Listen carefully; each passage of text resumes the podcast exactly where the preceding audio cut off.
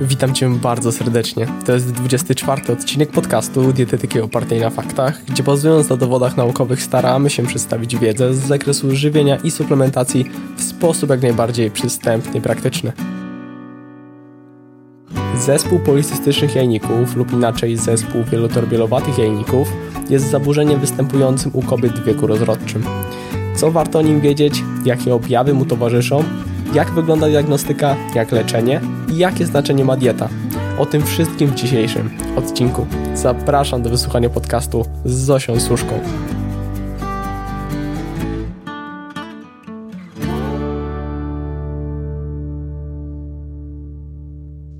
Cześć, witaj Zosiu.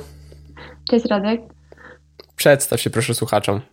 E, cześć, ja mam na imię Zosia, e, jestem dietetykiem, prowadzę własną poradnię dietetyczną online www.holistyczniezdrowi.pl i moją misją jest wspieranie zdrowia kobiet i na co dzień współpracuję właśnie głównie z kobietami i tak się składa, że największą grupę moich pacjentek stanowią właśnie kobiety z PCOS, czyli z zespołem policystycznych jajników, też kobiety z insulinoopornością, no i takie, które chcą schudnąć w racjonalny, mądry sposób.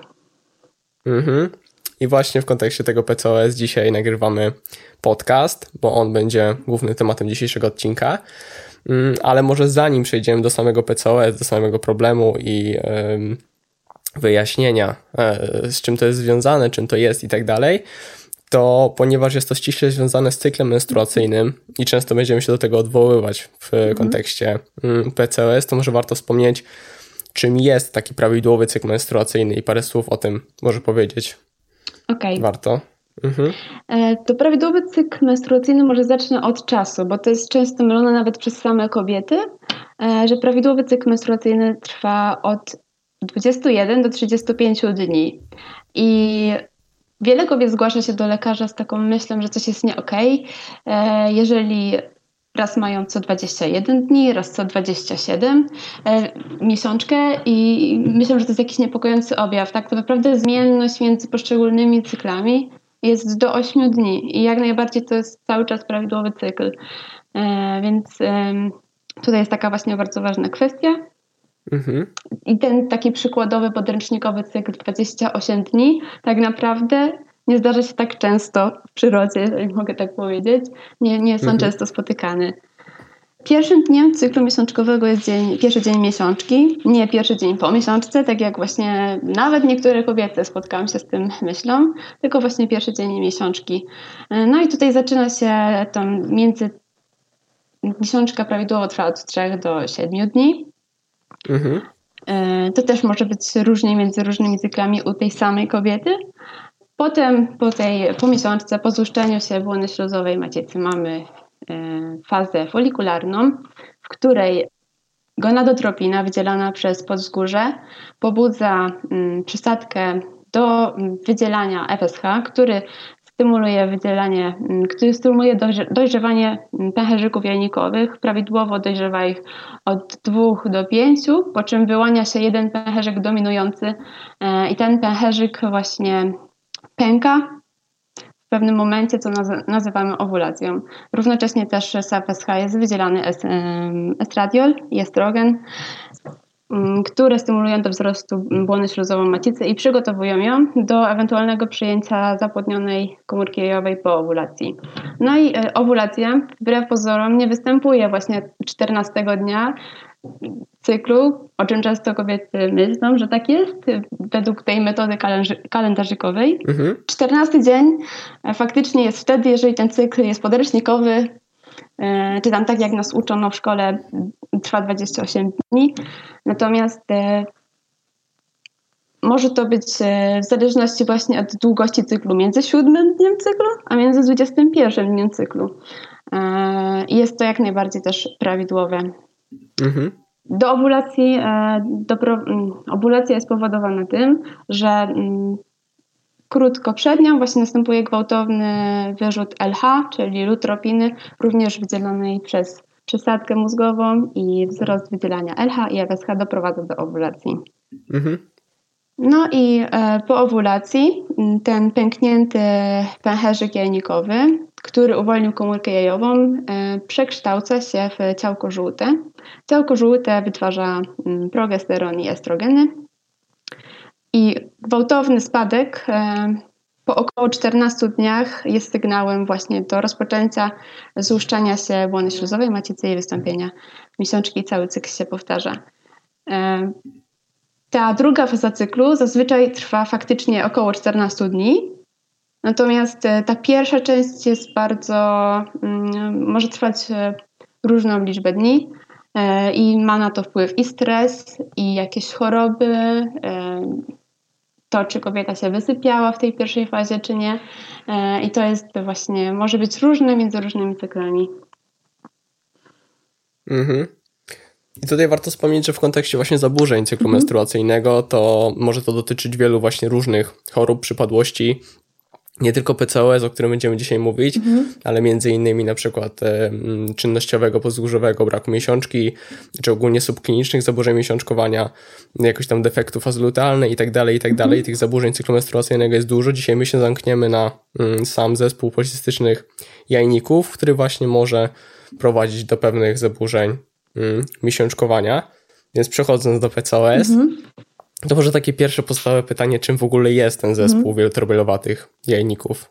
Zespół policystycznych jajników, czyli zespół wielotorbielowatych jajników, to jest najczęstsze schorzenie endokrynne u kobiet, czyli to jest choroba hormonalna i występuje u około 10% kobiet, w zależności od różnych danych od 6 do 20% kobiet w różnych też populacjach, natomiast 10% kobiet w Polsce mówi się, że choruje. E, no i oczywiście jest to choroba, która dotyczy kobiet w wieku rozrodczym, mm, ponieważ tym, czym się najczęściej charakteryzuje i co najczęściej zmusza kobiety do wizyty u lekarza, jest to, że po prostu nie mogą zajść w ciążę. PCOS jest powiązane z różnorodnymi zaburzeniami hormonalnymi, e, w tym bardzo charakterystyczne są właśnie podwyższony poziom androgenów u kobiet, czyli e, męskich hormonów płciowych, E, różnych jego rodzajów, e, od androstendionu po, po hormony wydzielane w nadnerczach, takie jak TA, czyli dehydroepiandrosteron. I z tym również się też wiążą, wiążą te najważniejsze podstawowe objawy PCOS, ale nie tylko hormony płciowe tutaj odgrywają rolę, również też jest bardzo zaangażowana insulina, stąd właśnie też leczenie dietetyczne jest bardzo ważne e, w tej chorobie. Mhm. O insulinooporności ogólnie w kontekście insuliny, e, e, problemów związanych z gospodarką insulinową, glukozową. Dzisiaj też porozmawiamy. Mhm. Natomiast w kontekście właśnie diagnostyki tych takich objawów mm, PCOS, to w 2003 bodajże, z tego co pamiętam, opublikowano te kryteria rotterdamskie, tak? Według których mm, diagnozuje się PCOS. Oczywiście diagnostyką zajmuje się lekarz i to tak. bardzo silnie trzeba podkreślić, natomiast mhm. myślę, że warto wiedzieć, jakie są te kryteria, jakie są objawy i co może wskazywać na to PCOS. Więc może parę słów o tych kryteriach mhm. rotterdamskich. Czyli hmm? kryteria rotterdamskie polegają na tym, że mamy trzy kryteria, z czego co najmniej dwa muszą być spełnione, żeby mhm. można było stwierdzić e, PCOS. Więc pierwszym z nich jest e, hiperandrogenizm, czyli nadmiar androgenów i może on być zarówno wykazany w badaniach laboratoryjnych e, poprzez badanie testosteronu całkowitego, testosteronu wolnego, chociaż mówi się obecnie, że takim bardziej dokładnym wskaźnikiem, co ja nie obserwuję tego u swoich pacjentek, żeby lekarze to zlecali dość często, jeżeli pacjentki same się badają, to tak. Jest tak zwany wskaźnik FAI, czyli Free e, Androgen Index i to jest e, zależność między testosteronem wolnym a białkiem SHBG, czyli globuliną wiążącą hormony płciowe. Więc tutaj właśnie oceniamy ten e, hiperandrogenizm w badaniach laboratoryjnych albo mm, możemy też go stwierdzić na podstawie objawów klinicznych takim jak e, trądzik, łysienie czy nadmierne włosienie, e, mierzone mhm. skalą Ferrimana Gallowaya, zmodyfikowaną skalą Ferrimana Gallowaya. Drugim kryterium e, są policystyczne jajniki, czyli PCO, nie PCOS, tylko PCO, czyli takie, które mają więcej niż 12 dojrzewających pęcherzyków w fazie folikularnej. Ich mhm. objętość jest mają, mają objętość między 2 do 9 mm. Prawidłowy pęcherzyk, który pęka, jest większy niż 9 mm. I też bierze się pod uwagę objętość samego jajnika właśnie w badaniu USG, który ma wtedy powyżej 10 ml. No i kolejnym mm, tym z trzech kryteriów jest rzadka owulacja lub jej brak. I owula brak owulacji, to pierwszym objawem najważniejszym jest to właśnie ten wydłużające się cykle powyżej 35 dni. Mm, zdarza się tak, że miałam pacjentki, które mają cykle, które trwają pół roku, trzy miesiące. Są takie, które bez e, wywołania miesiączki miały cykle, miały miesiączki co dwa lata. O, tak, niestety. Bo tak. oligoowulacje, czyli te rzadkie owulacje, mhm. to jest są występowanie owulacji e, mniej niż 6, 6 tak. razy w ciągu tak. roku. Mniej tak? niż 6 mhm. razy w roku. No i właśnie tak jak e, powiedziałam, że można to oceniać na podstawie USG, gdzie widać, czy pęcherzyk jajnikowy pęknął czy nie pęknął. Można e, oceniać to też na podstawie badania progesteronu. Jeżeli go badamy około 21 dnia cyklu, to właśnie w prawidłowym e, cyklu e, ten progesteron w tym 20 dniu powinien być podwyższony, tak? No bo progesteron ma przygotowywać błonę śluzową macie do przyjęcia ciąży. Jeżeli nie ma podwyższonego progesteronu, to najprawdopodobniej owulacji nie było. Mhm. Może jeszcze parę słów o objawach mhm. takich charakterystycznych, które mogłyby nas skierować mhm. na to, żeby zainteresować się właśnie diagnostyką, żeby na przykład udać się na badanie mhm. e, USG, czy też e, na badanie e, krwi mhm. i też zaraz jeszcze o, tych, o tym badaniu krwi trochę powiemy, natomiast może właśnie o tych objawach takich, które mogłyby wskazywać na to, że coś jest nie mhm. tak. No, pierwszym takim najważniejszym objawem, który zmusza większość kobiet do wizyty u lekarza z takim podejrzeniem jest są trudności w zajściu w ciąży. To znaczy, mhm. jeżeli staramy się e, zajść w ciążę dłużej niż pół roku, e, to może być tutaj właśnie problem. Natomiast e, do pół roku jak najbardziej e, trudność zajścia w ciąży nie, nie musi być właśnie powiązana z chorobą. Drugi objaw to są te objawy zewnętrzne hiperandrogenizmu, e, czyli właśnie nadmierne owłosienie, łysienie, trądzik trudny do wyleczenia, też jeżeli mamy insulinooporność, to możemy podejrzewać, że i zaburzone cykle właśnie wydłużone przede wszystkim, to też możemy podejrzewać. Czyli zaburzenie miesiączkowania. Tak, zaburzenia miesiączkowania, wydłużone cykle. Mhm. I w kontekście insulinooporności też często jest taki problem, że u kobiet z PCOS, nawet jeżeli nie występuje nadmierna masa ciała, czyli mhm. w przypadku prawidłowej masy ciała, ta insulinooporność może tak. występować. Tak. Nie tak często jak u osób, jak u kobiet z, mm, z nadwagą, czy też z otyłością, natomiast to również jest prawdopodobne właśnie w przypadku zespołów policystycznych jajników. Tak. Mm. Okej, okay, no czyli w takim przypadku, gdy pojawiają się tego typu charakterystyczne objawy, to warto się udać mhm. do lekarza, bo diagnostyką zajmuje się lekarz, podkreślimy jeszcze tak. raz. Mm, I w tym przypadku warto udać się właśnie na badanie USG, czy też badania krwi. I w kontekście tych badań krwi, to może warto wiedzieć w przypadku kobiet, mhm. Y, w jakim dniu cyklu takie badania wykonywać i jakie, y, jeżeli już, to jakie badania w kontekście PCOS warto wykonać. Okej, okay, czyli takim podstawowe badania, które wykonujemy przy PCOS jest profil hormonalny, czyli FSH, LH, stosunek do LH, LH do FSH, ponieważ właśnie to jest charakterystyczne dla PCOS, że ten stosunek jest zaburzony. W prawidłowych warunkach e, LH do FSH jest jak 1 do 1, e, a właśnie przy PCOS jest zwiększona produkcja LH, co już może nasuwać właśnie taki, takie podejrzenie PCOS. E, badamy też stężenie prolaktyny, jednak właśnie przy prolaktynie należy, jeżeli jest podwyższona i mamy hiperprolaktynemię, to trzeba też wziąć pod uwagę to, że jest wiele przyczyn właśnie mm, hiperprolaktynemii i trzeba je wykluczyć. Y, mhm. mhm. To będzie chociażby, nie wiem, guz, y, y, guz przysadki. Badam... Też często hiperprolaktynemia jest konsekwencją przyjmowanych leków tak. niektórych, tak? Jest mhm. też bardzo często występuje przy niedoczynności tarczycy, więc jeżeli mamy podejrzenie, dlatego już też badamy właśnie pod kątem niedoczynności tarczycy, żeby wykluczyć y, zaburzenia miesiączkowe, miesiączkowe na wskutek y, zaburzeń pracy tarczycy. Badamy oczywiście też testosteron całkowity lub wolny E, I tak jak mówiłam wcześniej, e, warto też zbadać to SHBG, czyli żeby obliczyć wskaźnik e, FAI. Mhm. Badamy androstendion, ten hormon TEAS, TEA, czyli siarczan dehydroepiandrosteronu, mhm. estrogeny, mm, Oprócz tego e, fajnie jest też wykonać cały profil lipidowy, dlatego że PCOS charakteryzuje się zaburzeniami lipidowymi. E, glukozę naczczo i insulinę naczczo, żeby mhm. wykluczyć podejrzenie mm, insulinooporności. Oczywiście to nie jest, e, aha, to jest ważne, że e, zaburzenia lipidowe, zaburzenia związane z glukozą i insuliną nie są wyznacznikiem to znaczy one towarzyszą, ale nie można. Często tak, towarzyszą. towarzyszą mhm. PCOS, ale nie można na ich podstawie stwierdzić. Dlatego badamy je, żeby ewentualnie naprowadzić e, na właściwy trop. Badamy też czasami e, AMH, czyli e, hormon antymulleronowski. Antymullerowski. Tak. Mullerowski. Czekaj. Mullerowski. To, jest takie tak, niemieckie, tak, Mullerowski. Tak, mhm. czyli badamy AMH, natomiast to też nie jest wyznacznik. U PCOS często on jest podwyższony E, mhm, a w kontekście, w kontekście tych, e, tego, kiedy badamy tak. te mm, badania, to mhm. czy kiedy to ma znaczenie? Okay. Może tak. E, ma znaczenie, dlatego że właśnie badamy zaraz po, jeszcze w trakcie lub w czasie miesiączki, czyli te wszystkie badania e, hormonalne oprócz progesteronu, no łącznie też z hormonami tarczycy jest mm, dobrze wykonać między trzecim a piątym dniem cyklu, a progesteron, żeby zobaczyć właśnie czy ovulacja miała miejsce, badamy około 21 dnia cyklu. Testosteron i te wszystkie androgeny możemy badać niezależnie od dnia cyklu.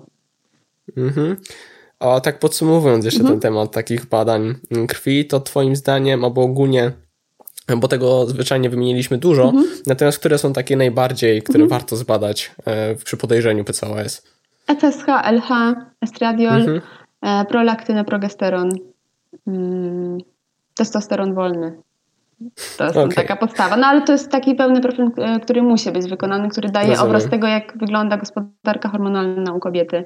No tak, -hmm. jesteśmy zróżnicowane i mamy e, dosyć złożony ten proces, e, ten cykl menstruacyjny.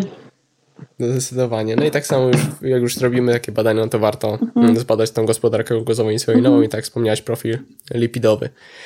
Mm, Okej. Okay. No to może przechodząc do takich konsekwencji nieleczonego PCOS, bo mhm. może niektóre kobiety idą z takim założeniem, że skoro nie chcę zajść w ciążę, aktualnie nie planuję ciąży, przykładowo, a PCOS tylko mm, w sensie wpływa przykładowo na tą płodność, to jeżeli e, nie chcę zajść w ciążę aktualnie, to w sumie po co mam leczyć to mhm. PCOS? Natomiast e, czy rzeczywiście warto nie leczyć tego PCOS? Mm, zdecydowanie to, że mm, tak, jakby Kobiety często myślą, że jeżeli nie planują zajścia w ciążę w danym momencie, to po co w ogóle mają leczyć PCOS? Natomiast to jest e, choroba endokrynna, trzeba przypomnieć, i jeżeli e, współwystępuje szczególnie insulinooporność, to nieleczona insulinooporność w ciągu 10 do 15 lat może przekształcić się w cukrzycę typu drugiego. Więc jakby już z tego mhm. względu. Po drugie, mamy zwiększone ryzyko chorób metabolicznych, e, typu właśnie zaburzenia zaburzenia lipidowe, miażdżyca. E, to wszystko jakby sprawia, że u kobiet e, z PCOS częściej występują e, też ze względu na, na podwyższoną poziom androgenów choroby metaboliczne w przyszłości. No i kolejna rzecz, jeżeli błona śluzowa macica się regularnie nie złuszcza, to to też jest może być przyczyną prowadzącą do e, raka macicy. Jest też zwiększony e, rak mm, jajników. E, mówi się też, że prawdopodobnie, choć różnie badania na to wskazują, jest zwiększone ryzyko raka piersi. Więc jakby, żeby zapobiegać tym odległym skutkom, powinniśmy leczyć PCOS nie tylko u kobiet, które mm, starają się właśnie zajść w ciążę. Mhm. Okej, okay, no to może w kontekście tego leczenia PCOS, jakie tak mhm. tak naprawdę konwencjonalne leczenie się podejmuje okay. w takim przypadku? Mhm.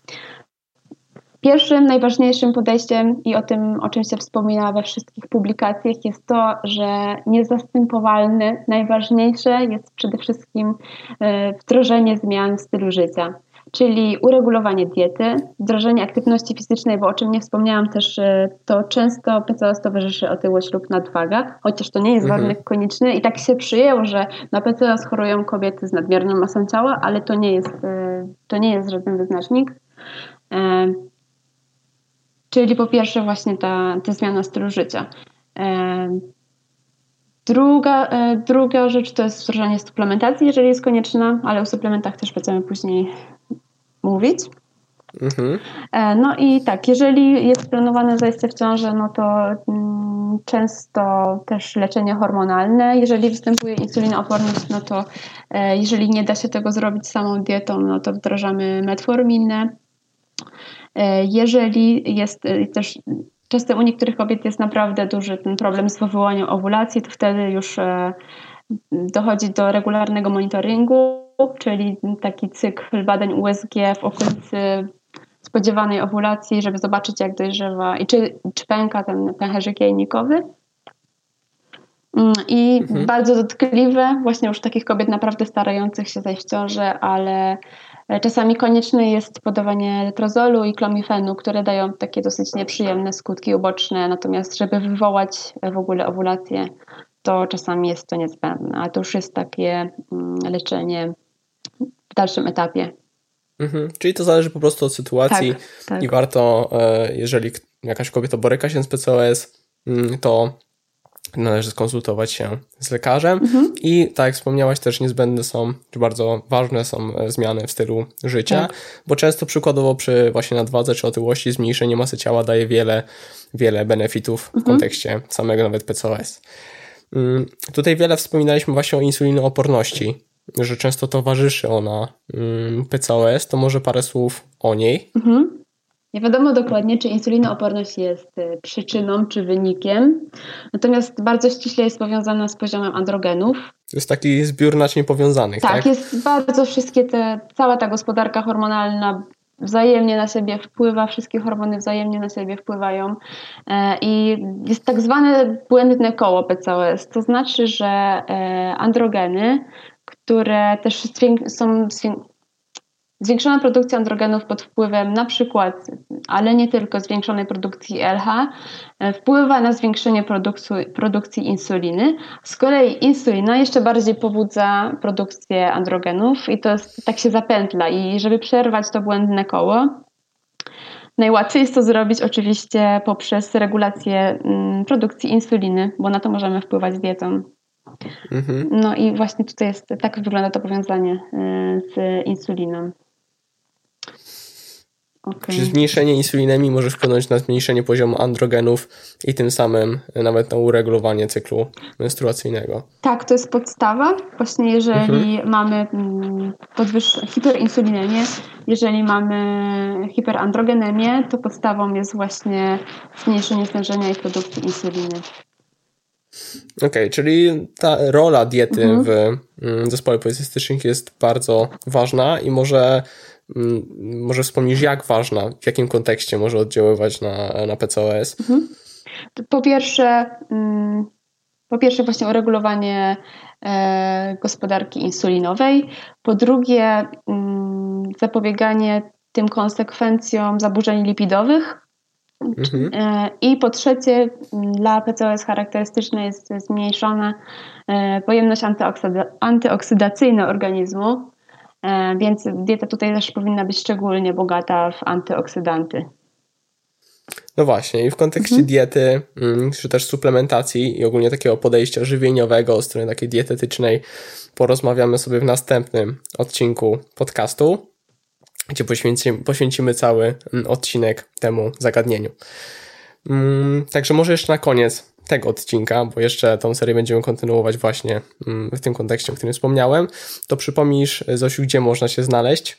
E, moja strona to www.holistyczniezdrowi.pl e, mhm. Wydałam również e-booka, który opowiada o PCOS, o diecie, suplementacji, no właśnie, sam go tak. przeczytałem tak. i jest to moim zdaniem przynajmniej świetne kompendium wiedzy na temat mm. zespołu policystycznych jajników, bo zwyczajnie jest tam mm, wszystko, co warto wiedzieć i co pewna kobieta, która mm, boryka się z tym PCOS, powinna wiedzieć na temat mm, PCOS, jest właśnie w tym e-booku. Więc e-book był napisany na podstawie mojej praktyki, czyli współpracy z pacjentkami. Był napisany też na podstawie tego, że ja jestem aktywna w grupach e, w których e, gromadzą się kobiety z PCOS i wiem, jakie pytania często zadają. Przed jego napisaniem zrobiłam też duży research i e, wiele, 44 osoby wzięły udział w ankiecie, e, bo chciałam lepiej poznać ten problem, czego kobiety potrzebują, czego chciałyby się dowiedzieć. Pisałam go od e, stycznia zeszłego roku i teraz został wydany właśnie w październiku, więc dosyć świeża sprawa. Oczywiście dla wszystkich słuchaczy zapewniam kod rabatowy na. Mhm. Można wykorzystać kod rabatowy, mhm. który nosi nazwę podcast, pisane przez C. Mhm. Mm, I wpisując ten kod rabatowy w koszyku, kupując e-booka, można go złapać w niższej cenie. Ja bardzo polecam. Mm, także jeszcze raz dziękuję Ci, Zosiu, za dzisiejszy odcinek i do usłyszenia w kolejnym podcaście. Do usłyszenia, dziękuję Ci bardzo. Cześć.